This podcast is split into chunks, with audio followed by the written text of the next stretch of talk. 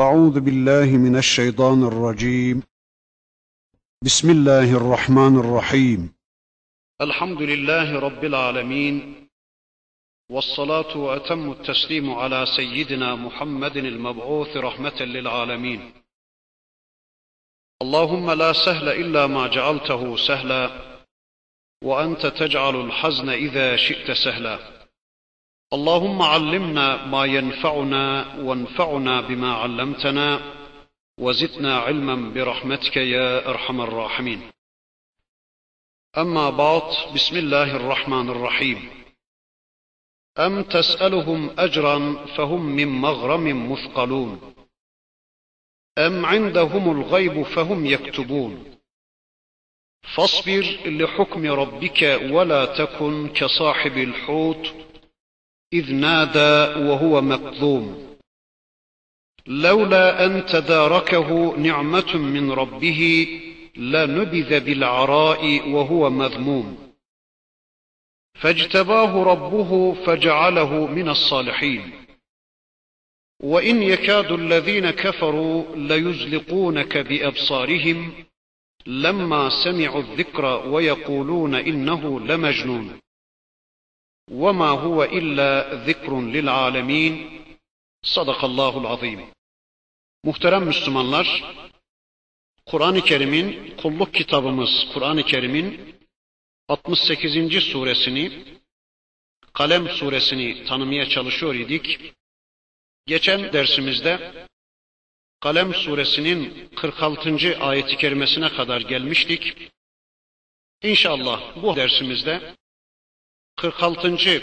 ayeti kerimeden itibaren Kalem suresinin geriye kalan bölümünde Rabbimizin bize ulaştırmak istediği meramını, maksadını inşallah anlayacağız, dinleyeceğiz. Önce duyduklarımızla, dinlediklerimizle Allah'ın istediği biçimde iman edeceğiz. Yani ameli de gündeme getiren bir imanla iman edeceğiz. Yine Rabbimizin bizden istediği biçimde bu imanımızı amele dönüştürme, pratize etme çabası içine hep beraber gireceğiz. Geçen dersimizde bir nebze temas etmiştim. Bu bölümün ilk okuduğum ayeti kerimesinde Cenab-ı Hak şöyle buyurmuştu. Em tes'eluhum ecran fehum min maghramin muskalun. Ne oluyor peygamberim? Bu insanlar senden niçin kaçıyorlar? Yoksa sen onlardan bir ecir, bir ücret mi bekliyorsun? Sen onlardan bir şeyler mi bekliyorsun? Bir mükafat mı istedin? Ya da aferin demelerini mi istedin? Seni alkışlamalarını mı istedin? Develerine bindirmelerini, evlerinde yedirmelerini, mal mülk vermelerini mi istedin kendine, şahsına? Saraylar, köşkler mi istedin? Atlar, arabalar mı istedin karşılığında?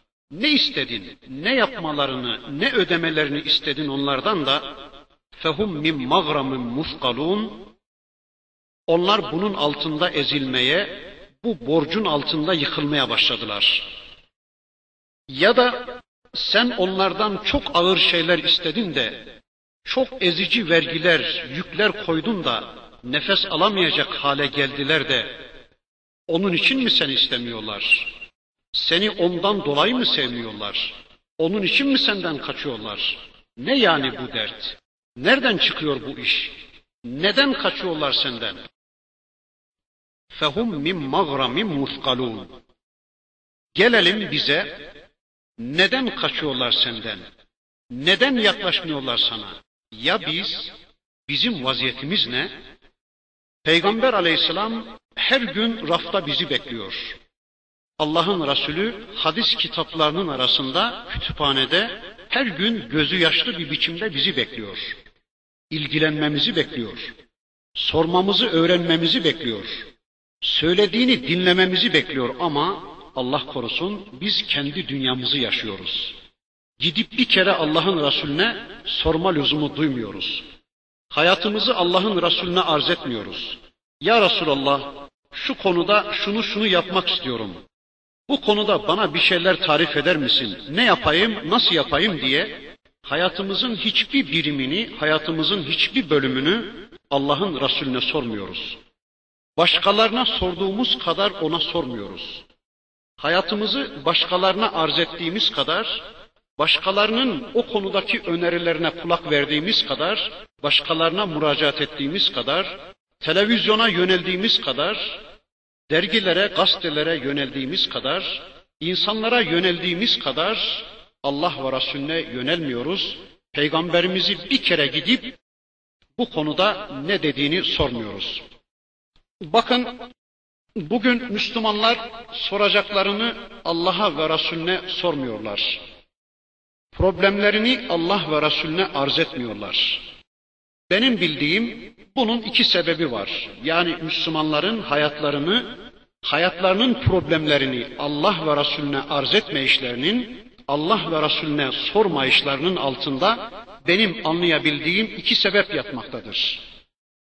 Bunlardan birincisi Allah'ın ve Resulünün o konuda ne diyeceğini baştan biliyorlar Müslümanlar ve denecek olay şey işlerine gelmiyor da onun için sormuyorlar. Mesela bir delikanlı evlenecek, kararını vermiş ama bunu babasına hiç açmıyor. Babasına hiç sormuyor. Niye?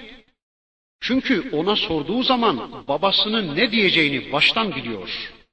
Babası amcasının kızını tavsiye edecek. Başkasına rızası yok. Delikanlı bunu önceden bildiği için babasına sormuyor. Mesela kimi akrabalarım, kimi konuları bana hiç sormazlar. Niye? Çünkü o konuda benim imanımı, benim tavrımı, yani ne diyeceğimi biliyorlar da ondan. İşte bugün de Müslümanlar Allah korusun beklediklerinin aksine Allah ve Resulünün ne diyeceğini önceden bildikleri için keyifleri kaçacağı korkusuyla, hoşlarına gitmeyeceği korkusuyla, zevklerinin kaçacağı korkusuyla Allah ve Resulüne sormuyorlar. Bir de ikinci sebep yani Müslümanların problemlerini Allah ve Resulüne götürme işlerinin ikinci sebebi de o konunun da Allah'a sorulacağının farkında değil Müslümanlar. Yani o konunun da Allah ve Resulüne sorulacağının farkında değil Müslümanlar. Tamam, sabah namazının kaç rekat olduğunu Allah'a soralım. Orucu nelerin bozduğunu, zekatı kimlere vereceğimizi Allah'a soralım da, e, canım ne okuyacağımı, hangi mesleği seçeceğimi, nasıl giyineceğimi, ne alıp ne satacağımı da Allah'a soracak değilim ya diyorlar ve hayatlarının pek çok bölümünü Allah'a ve peygambere sormuyorlar. Evlenirler sormazlar, boşanırlar sormazlar, dükkan açarlar sormazlar, seyahate çıkarlar sormazlar, yatarlar sormazlar, kalkarlar sormazlar. Halbuki en bilen Allah'tı, mutlak bilen Allah'tı ve Resulüydü. Sanki bu konular Kur'an'a ve sünnete sorulmaz konularmış gibi sormuyor bugün Müslümanlar. Başkalarına sordukları kadar, başkalarına müracaat ettikleri kadar sanki bu konular Allah'a ve peygambere sorulmayacak e, konularmış gibi Allah'a ve peygambere sormuyorlar. Evet, Allah'ın Resulü bizi bekliyor. Sünnet bizi bekliyor. Ama bugün Müslümanlar peygamberlerinin ve onun sünnetinin fonksiyonunu bilmediklerinden daha çok bekleteceğe benziyorlar. Kur'an'ı ve sünneti daha çok bekleteceğe benziyorlar. Peki nedir Kur'an? Nedir peygamber? Yani peygamberimizin bizim dinimizdeki yeri nedir? Peygamberimizin sünnetinin bizim hayatımızdaki önemi, fonksiyonu nedir? O konuda inşallah birkaç cümle söyleyelim. Benim sünnete bakışım şudur. Allah insanlardan birini insan hayatına, dünya hayatına karışma konusunda odak nokta kabul etmiş ve peygamber seçmiştir. Peygamber Allah'ın insan hayatına karışmasında odak noktadır. Ben insan hayatına seninle karışacağım demiş ve onu Allah peygamber seçmiştir. Zaten insanların din inkarında hedef seçtikleri nokta budur. Diyorlar ki Allah insan hayatına karışmaz. Bunun için de kitabı ve peygamberi reddediyorlar. Çünkü kitabın ve peygamberin reddedilmesi, dinin reddedilmesi ve dolayısıyla da Allah'ın hayata karışırlılığının reddedilmesi anlamına gelecektir. Yani Allah hayata karışır dendi mi din ortaya çıkacak ama Allah hayata karışmaz dendiği zaman da dinde, kitapta, peygamberde bitecektir. Allah insanlardan birine Muhammed bin Abdullah sallallahu aleyhi ve selleme ben insanların hayatına karışacağım. Bu konuda seni odak nokta seçtim. Sen bunun sözcülüğünü yap diye görev vermiştir. 610 miladiden 632'ye Hicretten 13 yıl önceden 10 yıl sonraya kadarki bir dönem bu görev sürmüştür. İşte bu peygamber beşer ve peygamber olarak benim Allah'la münasebetimi sağlayan, Allah'la diyaloğumu sağlayan tek kaynaktır. Yani Allah'ın mesajını bana ulaştıran kaynak. Ya da benim Allah'ı tanımamın tek kaynağıdır veya ilk kaynağıdır veya asıl kaynağıdır. İşte bu peygambere Allah din göndermiştir ki buna vahiy diyoruz. Allah insan hayatına karışma maddeleri olarak bir şeyler vahyetmiştir Resulüne. Bu vahyedilenlerin tümüne din diyoruz. Yani bunlar dinin kendisidir. Peygamber aleyhisselamın hayatı dediğimiz bu vahyedilenleri önce ikiye ayırıyoruz. Yani peygamberimizin hayatını ikiye ayırıyoruz. Yaptıklarını, yapmadıklarını, söylediklerini, dediklerini, demediklerini, kabul ettiklerini, reddettiklerini, takrirlerini, kavillerini, fiillerini ikiye ayırıyoruz. Yani peygamberimizin tüm hayatını ikiye ayırıyoruz. Bir, Allah'ın bizzat vahiy göndererek, uyarıda bulunarak Resulullah'ın yaptıkları, yani Allah'ın bizzat vahiy göndermesiyle şöyle yap, böyle yapma demesiyle Resul Ekrem'in yaptıkları. İkincisi Resulullah'ın Allah'tan o konuda herhangi bir vahiy gelmeksizin kendiliğinden yaptıkları. Kendi iştihadıyla kendi kendine yaptıkları ama Allah tarafından onaylanan, Allah tarafından olurlanan bölüm. Yani Allah'ın Resulü o konuda herhangi bir ayet gelmeden kendiliğinden, kendi iştihadıyla bir şeyler yapmış, bir şeyler söylemiş ama bu Allah tarafından onaylanmış, Allah tarafından olurlanmıştır. Peki bunu nereden çıkarıyoruz? Yani Resulullah'ın bu kendiliğinden yaptıklarının Allah tarafından onaylandığı çıkarımını nereden yapıyoruz? Bunu onaylanmayanlardan çıkarıyoruz. Bakıyoruz Resulullah'ın kendiliğinden yaptıklarının bazısı onaylanmamış. Yani Allah peygamberimizin kendi kendine, kendiliğinden, kendi iştihadıyla yaptığı şeylerin kimilerini onaylamamış, olurlamamış. Birkaç örnek verelim inşallah anlaşılacaktır. Mesela Allah'ın Resulü bu konuda Allah'tan herhangi bir ayet gelmeden kendiliğinden hanımlarına küsmüş, kırılmış, darılmış, haram etmiş kendini onlara. Yani kadınlarına yaklaşmamaya söz vermiş, yemin etmişti de kendiliğinden, kendi iştihadıyla yaptığı bu işi Allah beğenmedi, onaylamadı. Bunun bize din olarak, sünnet olarak intikaline Allah izin vermedi de hemen ayet gönderdi. Yani peygamberimizin bu yanlışını hemen düzeltiverdi. Ayet-i kerime şöyle, Tahrim suresinin başındaki ayet-i kerime, Ya eyyühen nebiyyü lime tuharrimu ma ahallallahu lek tebtagi marzati ezvacik. Peygamberim Allah'ın helal kıldığı bir şeyi niye kendine haram kıldın? Niye yaptın bunu? Allah hayrını versin. Sakın bir daha böyle bir şey yapma. Sakın bir daha böyle bir şeye teşebbüs etme peygamberim diye Allah hemen peygamberinin o yanlışını düzeltiverdi. Neden düzeltti? Çünkü o yanlış o haliyle bize intikal etseydi bizim için din olacaktı. Allah onun o yanlışının bize din olarak intikaline izin vermediği için Allah onu düzeltiverdi. Yine bakın Allah'ın Resulü kendiliğinden, kendi iştihadıyla ama sahabi Abdullah İbni Ümmü Mektum'a şöyle şöyle davranmıştı da Allah bu davranışı onaylamamış, o haliyle o davranışın bize din olarak intikalini istemeyen Rabbimiz hemen ayet göndererek peygamberimizin o yanlışını düzeltivermişti. Abese ve tevella en ca'ehul a'ma ayetleri, surenin başındaki ayetler peygamberimizin bu yanlışının e, düzeltildiğini bize gösteriyor. Yine Resul-i Ekrem kendi kendine karar verip bir münafığın cenaze namazını kıldırmış ama Allah bunu da onaylamamıştı. وَلَا تُصَلِّ عَلَى أَحَدٍ مِّنْهُمْ وَلَا تَقُمْ عَلَى قَبْرِهِ Sakın ha peygamberim bir daha böyle bir münafığın cenaze namazını kıldırma ve böyle bir münafığın cenazesinin başında sakın peygamberim dua etme diye Allah peygamberini uyarı vermişti.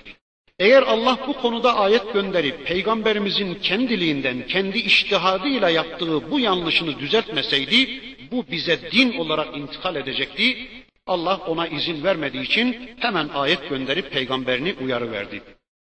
Başka, mesela Bedir esirlerine şöyle şöyle davranmıştı da Allah Resulü kendi iştihadıyla Allah beğenmedi.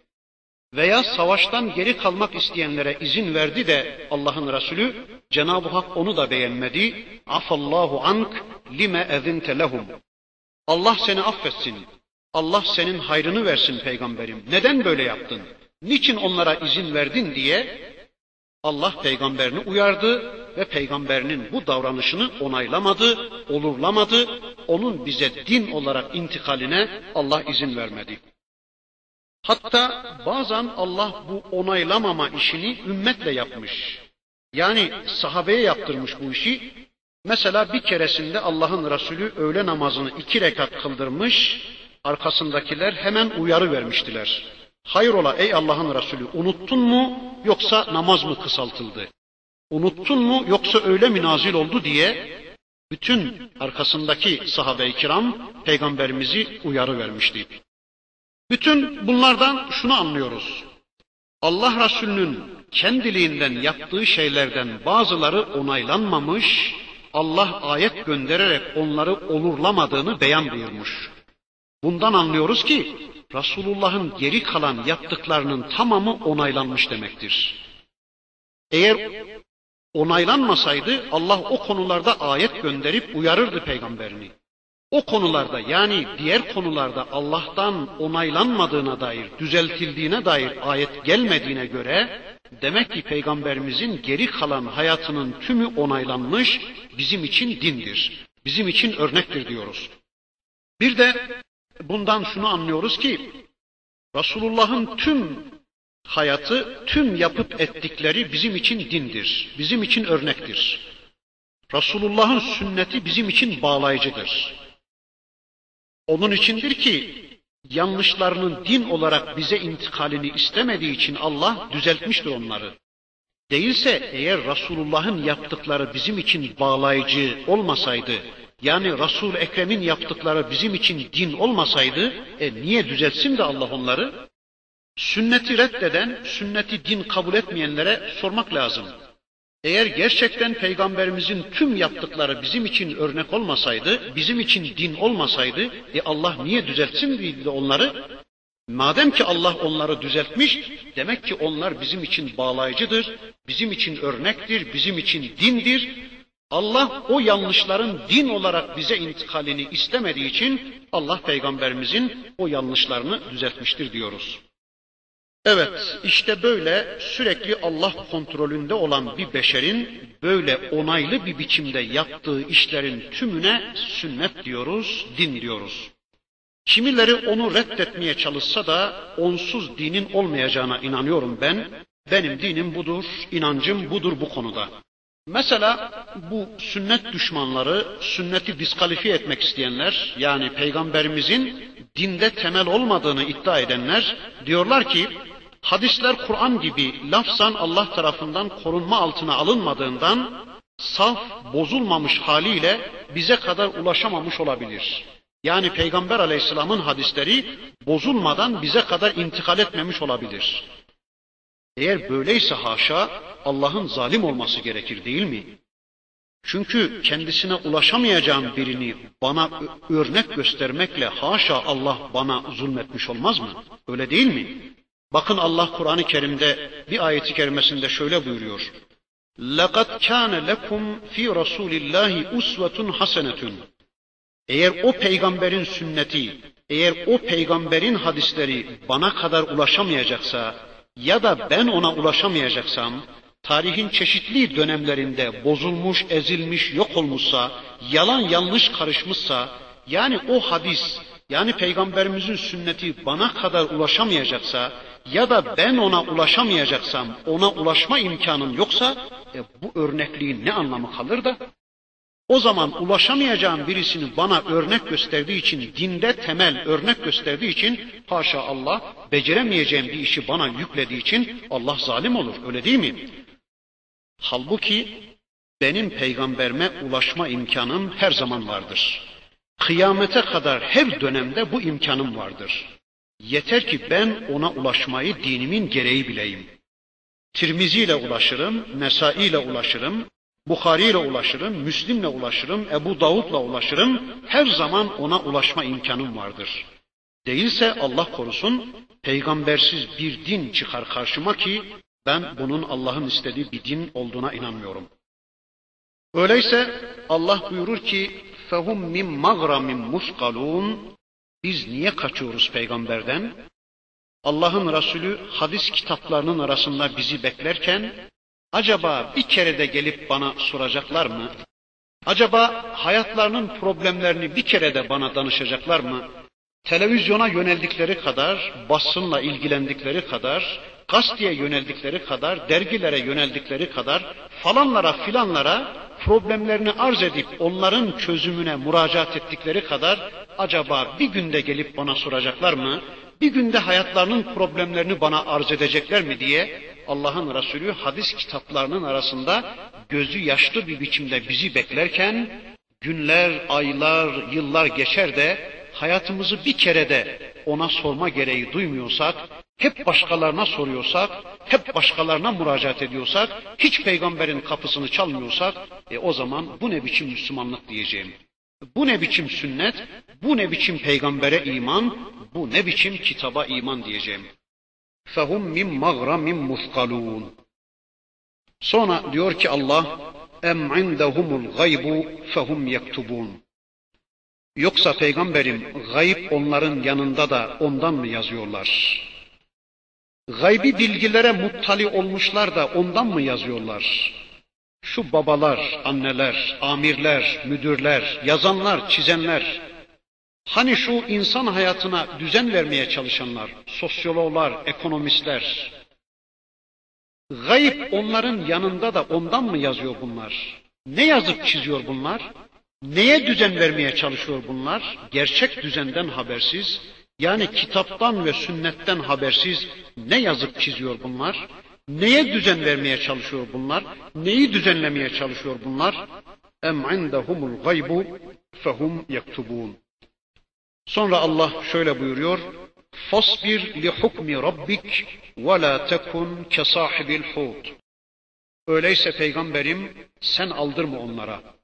Onların bu bozuk düzen durumlarından dolayı sen hayat programını sakın bozma peygamberim. Sen hayat programını onlara göre bina etme.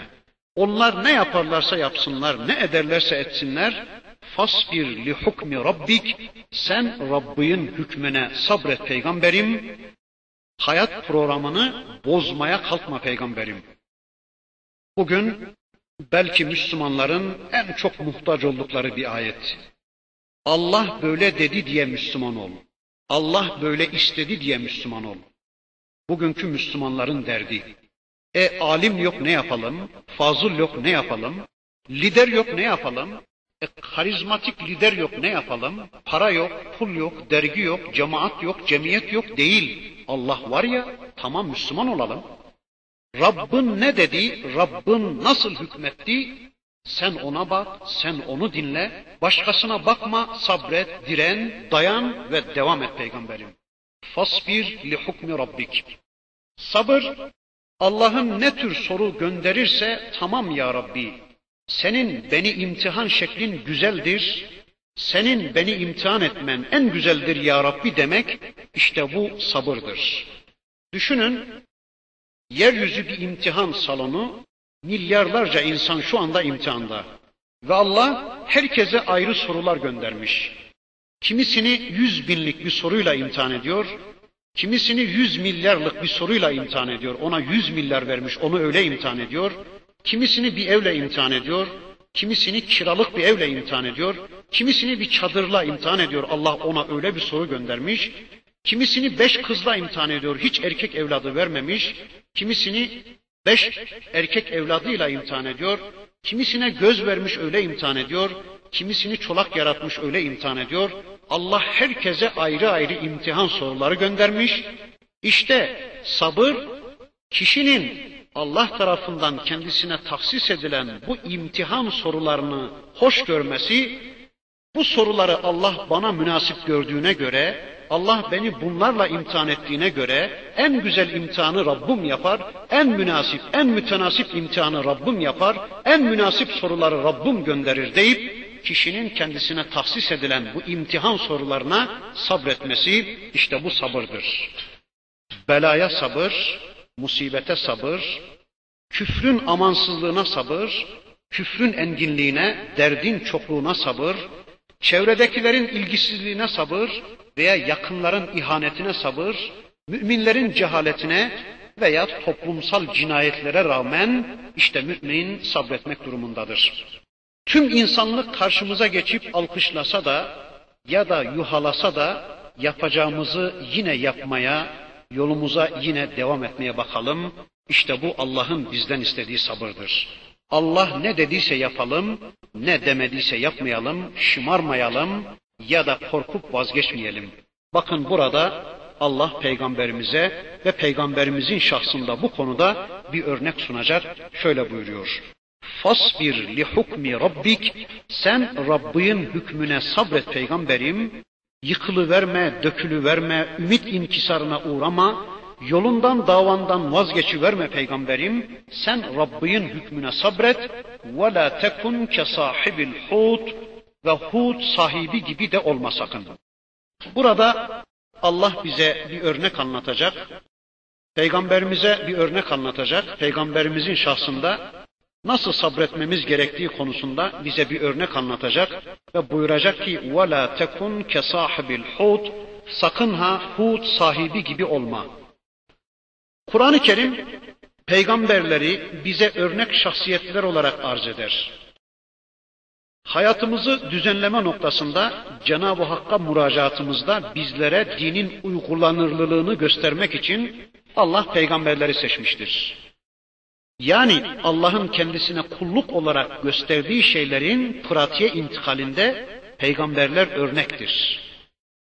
Allah'ın bizden istediklerini anlayabilmek için peygamberin hayatına bakmak zorundayız. Mesela sabredin diyor Allah. Nasıl? Kimin gibi ya Rabbi? Hazreti Yakup gibi. Kadın karşısında çözülmeyin. Kim gibi ya Rabbi? Hazreti Yusuf gibi. Çocuğunuz karşısında şöyle şöyle davranın. Kimin gibi ya Rabbi? Hazreti İbrahim gibi. Babanız karşısında şöyle şöyle davranın. Kim gibi ya Rabbi? Hazreti İsmail gibi. Dini karşınızdakine tatlı anlatmada Hazreti Davut gibi, tağutla münasebetinizi şöyle ayarlayın, Hazreti Musa gibi, zenginseniz, makam sahibiyseniz Hazreti Süleyman gibi olun diye Allah peygamberleri bize örnek şahsiyetler olarak anlatır. Esasen bugün çevrelerinde yaşanır örnek şahsiyet arayanlar aman filanlarla bir tanışalım, falanlarla buluşalım diye şehir şehir gezenler peygamberleri tanıma zahmetinden kaçan insanlardır. Halbuki Allah Kur'an-ı Kerim'de peygamberleri bize üsve-i hasene olarak anlatmıştır. Şunun gibi olun, şunun gibi olun, şunun gibi olun diye Allah peygamberlerini bize örnek olarak anlatmıştır. Bugünün Müslümanları yüzde yüz doğru örnek olarak Allah'ın kendilerine sunduğu Kur'an'daki bu peygamberlerin hayatını tanıyıp onların hayatını kendi hayatlarına aktarma çabası içine girmeleri gerekirken bu zahmetten kaçıyorlar da aman filanlarla bir tanışalım, aman falanlarla bir tanışalım diye bugün şehir şehir, köy köy, kasaba kasaba gezerek örnek şahsiyet arıyorlar, örnek şahsiyet bulma çabası içine giriyorlar. İşte bunlar peygamberleri tanıma zahmetinden kaçan insanlardır. Allah buyurur ki peygamberlerin her birinde örnekler vardır. Her biri gibi ol. Allah peygamberimize emreder. İbrahim'i örnek al peygamberim, Musa gibi ol peygamberim, Davut gibi ol peygamberim, Nuh gibi ol peygamberim, Hud gibi ol peygamberim. Her birini örnek al ama Hazreti Yunus'un bir dönemi, bir bölümü, bir yönü gibi olma. وَلَا تَكُنْ كَصَاحِبِ الْحُوتِ Toplumu uyarması için. Gider Yunus Aleyhisselam ve o toplumu uyarır. Toplum güçlü kuvvetlidir, gurur ve kibir içindedir, peygamberi dinlemek istemezler. Yani peygamberin getirdiği mesajla ilgilenmezler, ilgisiz davranırlar peygambere, nötr davranırlar peygambere. Allah onlara azap göndermeyi murad eder. Hazreti Yunus bundan haberdardır. Yani Allah'ın onlara azap göndereceğinden haberi vardır. Ama azabın gelmesinden mesela üç saat önce toplumu terk eder. Hızla şehirden uzaklaşır, bir gemiye binerek süratle oradan uzaklaşmak ister. Halbuki gitmemesi gerekirdi. Peygamber Allah'tan hicret emri gelmeden görev mahallini terk etmemesi gerekirdi. Ölecekse orada ölmeliydi. Kaldı ki Allah dilemedikçe orada da ölmeyecekti elbette.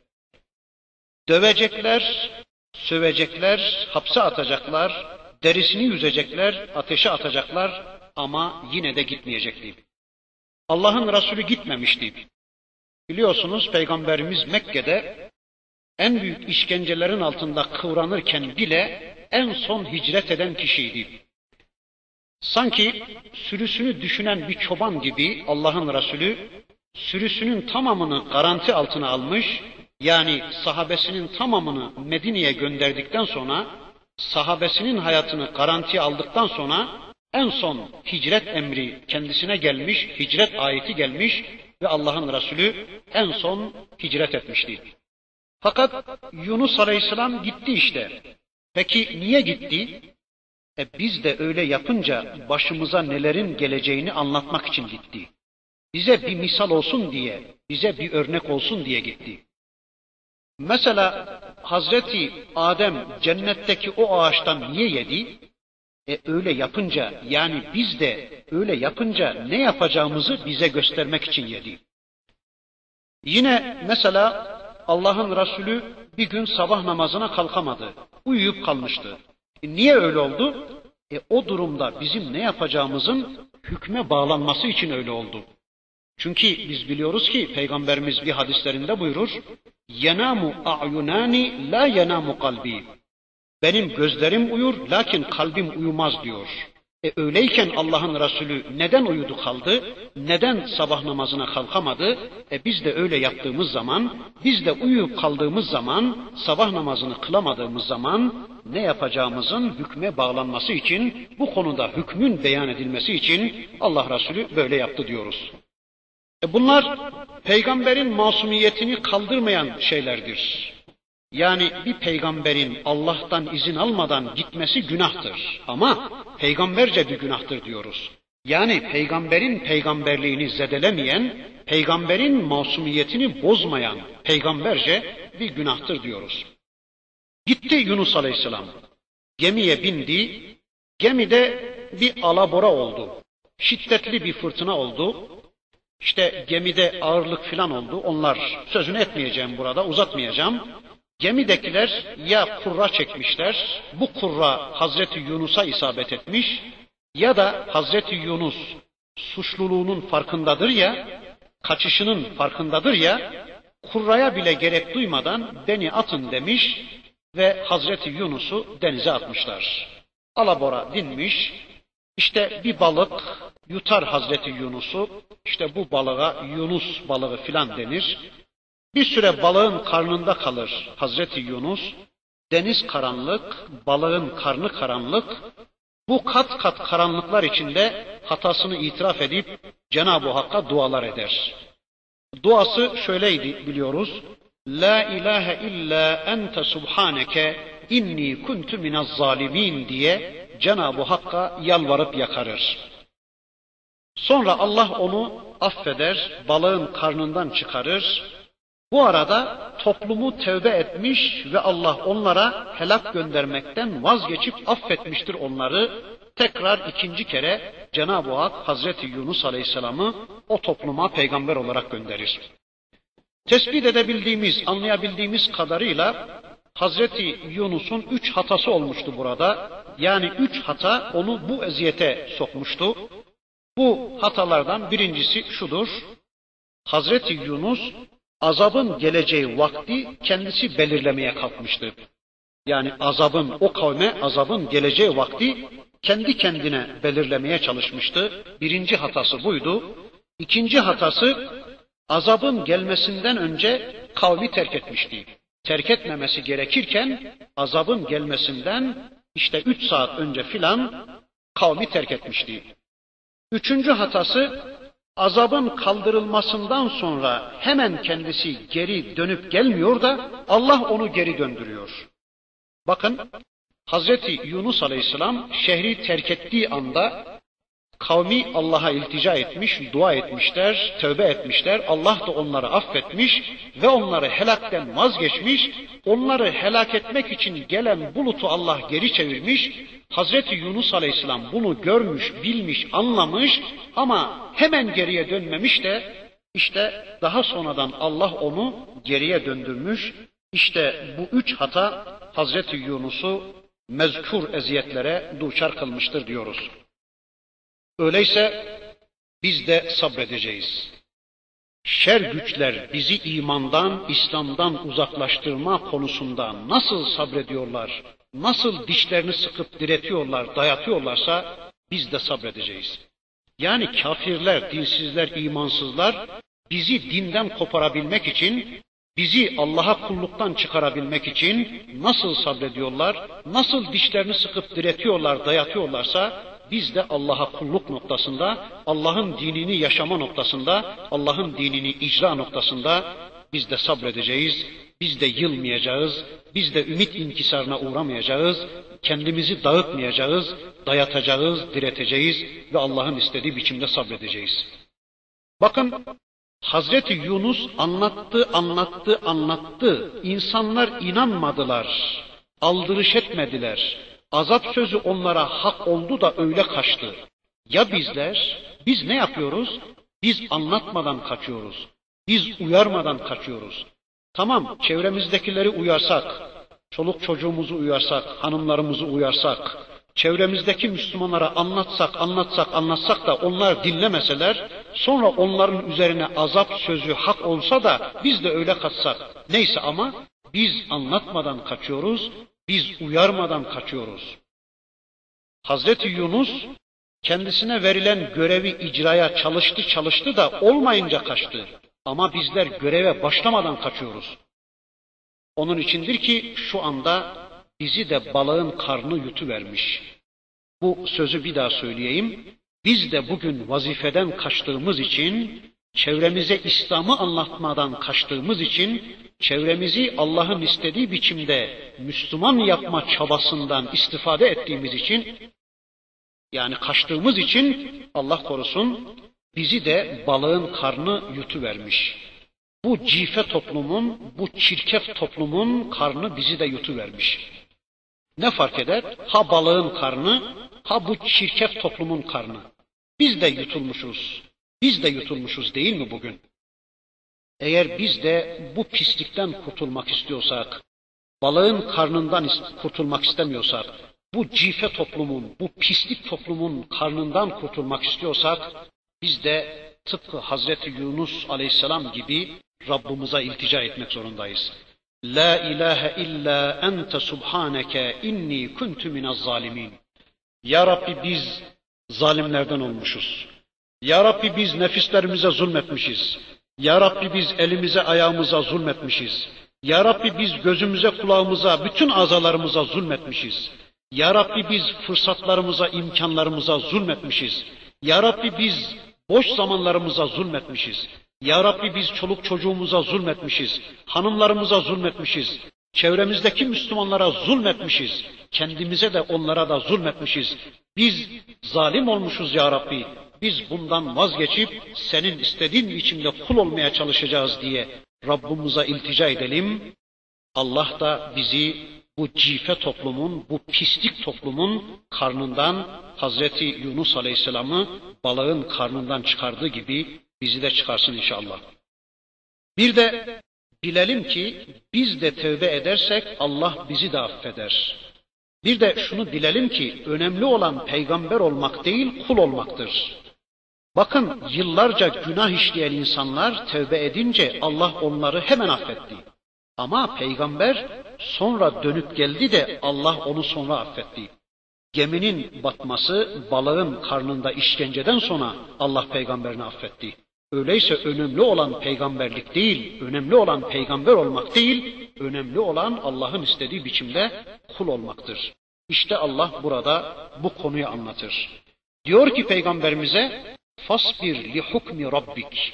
Peygamberim ve ey peygamber yolunun yolcusu olan sizler Rabbinizin istediği biçimde sabredin. Dayatın, diretin. Dinsizler, imansızlar sizi Allah'tan koparabilmek için nasıl dişlerini sıkıyor, sabrediyorlarsa siz de sabredin. Planlarınızı, programlarınızı başkalarının hareketlerine bina etmeyin. İnsanlar ne yaparlarsa yapsınlar, Rabbiniz dedi diye sabredin. Rabbinizin hükmüne sabredin. وَلَا تَكُنْ كَصَاحِبِ الْحُوتِ Bir de Hud sahibi gibi olma peygamberim ve ey peygamber yolunun yolcuları sizler de Hud sahibi gibi olmayın. Yani Hazreti Yunus'un hayatının o bölümü gibi olmayın. Kavminin serkeşliğine, kavminin inkarına, isyanına, reddine canı sıkılı vermiş, morali bozulu vermişti de sili vermişti onları. Belki gülmüştü yüzlerine, belki acı bir tebessüm atmıştı, belki nefret etmişti ama acele etmişti Yunus Aleyhisselam. Kaçmıştı görevinden. Görevini birine rağmen veya birine binaen yapmıştı. Kesinlikle yasaktı bu. Oysa bu özelliğinin dışında Yunus Aleyhisselam bize güzel bir örnek olarak anlatılır. Enam suresi 90. ayet-i kerimede Cenab-ı Hak bu özelliğinin dışında Yunus Aleyhisselam'ın bizim için çok güzel bir örnek olduğunu anlatır. Öyleyse biz de davranışlarımızı birilerine rağmen, birilerine binaen ayarlamayacağız. Onlar öyle diye ters davranmayacağız, onlar böyle diye düz davranmayacağız. Sadece Allah dedi diye yapacağız. En büyük yanlışlarımızdan biri belki budur. Ya seviyoruz diye, ya nefret ediyoruz diye, ya beklediğimiz gerçekleşmiyor diye sapı veriyoruz, dağıtı veriyoruz Allah korusun kendimizi. Mesela birine beş yıl emek çekiyoruz, olmuyor diye üzülüp moral bozup bıkı veriyoruz. E peki ona beş yıl önce iyi davranmamızın sebebi neydi? Onun İslam'a ihtiyacıydı değil mi? E peki bugün ihtiyacı yok mu onun İslam'a? Elbette var. Öyleyse devam etmeliyiz. Moralimizi bozmamalıyız. Anlatmadan anlamalarını beklememeliyiz. Uyarmadan uyarılmalarını beklememeliyiz. Bakın Allah diyor ki İz nâdâ ve huve. Hani o Yunus balığın karnında yutkunarak kederle dolu olduğu halde Rabbına yalvarıyordu Aman ya Rabbi ben ettim sen etme diyordu.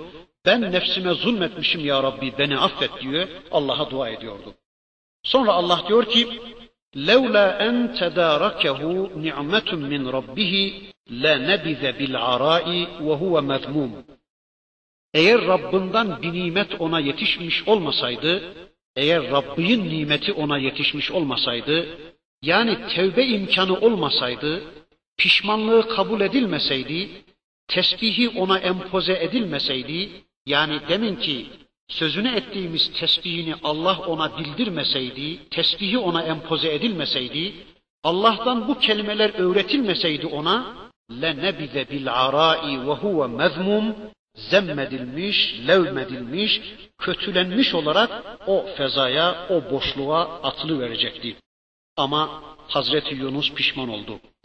Peki ne anlatıyor bu ayet-i kerime bize? Bakın kafirler için bu ayet-i kerime şunu söylüyor. Bakın Allah'ın bu sevgili kulu, Allah'ın peygamberi, Allah'a isyan edince bile Allah ona ceza verdi. Bilesiniz ki Allah size de ceza verir. Ama buna rağmen tevbe edince affetti. Eğer siz de döner tevbe ederseniz sizi de affeder demektir. Müminler için de bu ayeti kerime bakın şunu söylüyor. Şımarmayın ha. Allah'a peygambere yakınlığınızdan dolayı şımarmayın. Yapacağınızı yapın. Değilse siz de cezaya çarpılırsınız. Sizi de Allah cezaya çarptırır denmektedir. Sonra Allah buyurur ki: "Fectebahu rabbuhu fecealehu minas salihin." Allah onu affetti. Allah Hazreti Yunus'u seçti ve tarihte helakten dönen tek kavim olan affedilen helakten dönen tek kavim olan o kavme yine onu peygamber olarak gönderdi Allah Yunus İbni Metta'yı. Son bölümde, son o ayeti kerimede Allah şöyle buyurur. وَاِنْ يَكَادُ الَّذ۪ينَ كَفَرُوا لَيُزْلِقُونَكَ بِأَبْصَارِهِمْ لَمَّا سَمِعُوا الذِّكْرَ وَيَقُولُونَ اِنَّهُ لَمَجْنُونَ Onlar Kur'an'ı duydukça öfkeden deliye dönüyorlar. Kendilerini yiyecekmiş gibi ayrı ama peygamberi yiyecekmiş gibi bir gözle bakıyorlar. Peygambere delici bir gözle bakıyorlar. Yok edi verecek, silip süpürü verecek bir gözle bakıyorlar. Bir de ve yekulune innehu lemecnun bir de deli diyorlar peygambere. Yani utanmadan peygambere deli diyorsunuz. Madem deli, madem cinni, madem peygamberi cin çarpmış, e niye bu kadar düşmansınız öyleyse? Niye bu kadar tedbirler alıyorsunuz? Hangi deliye bu kadar nefret edilmiş? Hangi deliye bu kadar gayz ve kin duyulmuş?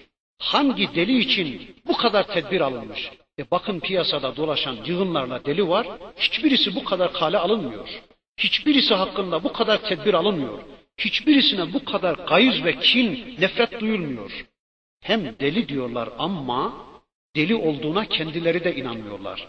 Çünkü bugüne kadar hangi deli bu kadar kale alınmış ya? Hangi deliye bu kadar tedbir düşünülmüş? Hangi deliden bu kadar korkulmuş? Hangi delinin bu kadar peşine düşülmüş? Mecnun diyorlar, deli diyorlar ama buna kendileri de inanmıyorlar. Öyle yapıyorlarmış. Ayet-i kerimede Cenab-ı Hakk'ın anlattığına göre gözleriyle Resulullah'ı devri vermeye çalışıyorlarmış. Mesela bir adam Araplardan kendini riyazata çekiyormuş. Sonra bir deve, bir koyun gösteriyorlarmış. Ne kadar da hoş diye adam bir baktı mı böyle deve devrili veriyormuş.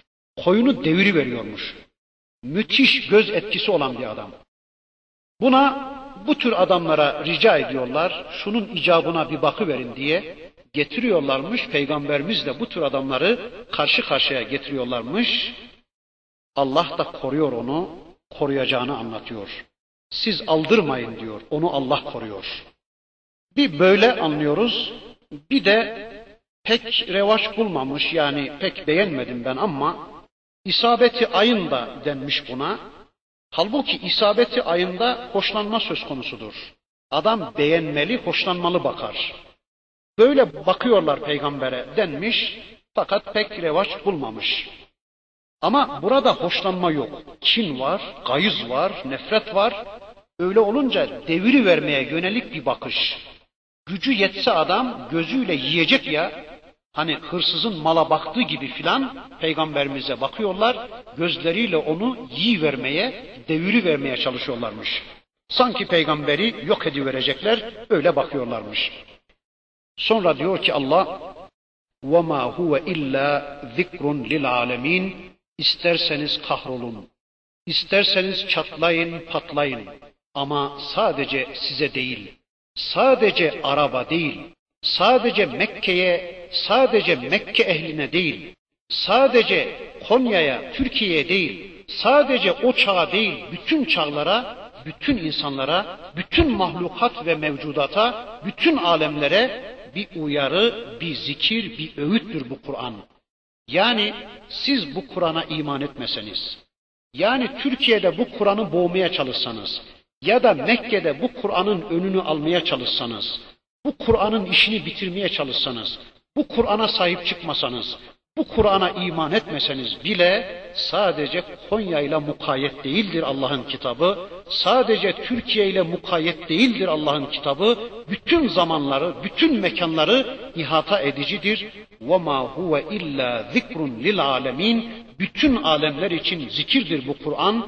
Bütün alemler için uyarıdır, öğüttür bu Kur'an. Siz ona iman etmeseniz bile, siz onu anlamaya çalışmasanız bile, siz onu kavramaya çalışmasanız bile onu anlayanlar çıkacaktır. Ona sahip olanlar çıkacaktır. El verir ki siz sahip çıkın, siz ona iman edin, siz onun anlaşılması adına bir gayret, bir çabanın içine girin. Allah sizin elinizden tutsun, Allah sizin yardımcınız olsun. Allah sizi içinde bulunduğunuz şu balığın karnından bir an evvel çıkarsın. İçinde bulunduğunuz çirkef toplumun karnından Allah sizi bir an evvel çıkarsın. Böylece kulluk kitabımız Kur'an-ı Kerim'in bir suresi daha bitmiş oldu. Kalem suresini bitirdik Allah'ın izniyle. İnşallah duyduklarımızla iman edelim, duyduklarımızı pratik hayatımıza aktarmak üzere yani amel haline getirmek üzere bir çabanın, bir gayretin içine inşallah girelim. Allah ya yar ve yardımcımız olsun. Bir dönem bu ayetler sahabiyi diriltti. Gelen bu ayetler insanların bir küfür hücresini öldürdü. İnşallah tek tek bu ayetlerle tanıştıkça, bu ayetlere iman edip sonra da bu ayetlerle amel haline getirmeye çalıştıkça, çabaladıkça, gayret ettikçe Allah bizi de inşallah diriltecek. Bizim de içimizdeki küfür e, ya da şirk hücrelerini Allah teker teker bu ayetlerle yok edecek. Allah yar ve yardımcımız olsun. Allah hepinizden razı olsun. Velhamdülillahi Rabbil Alemin.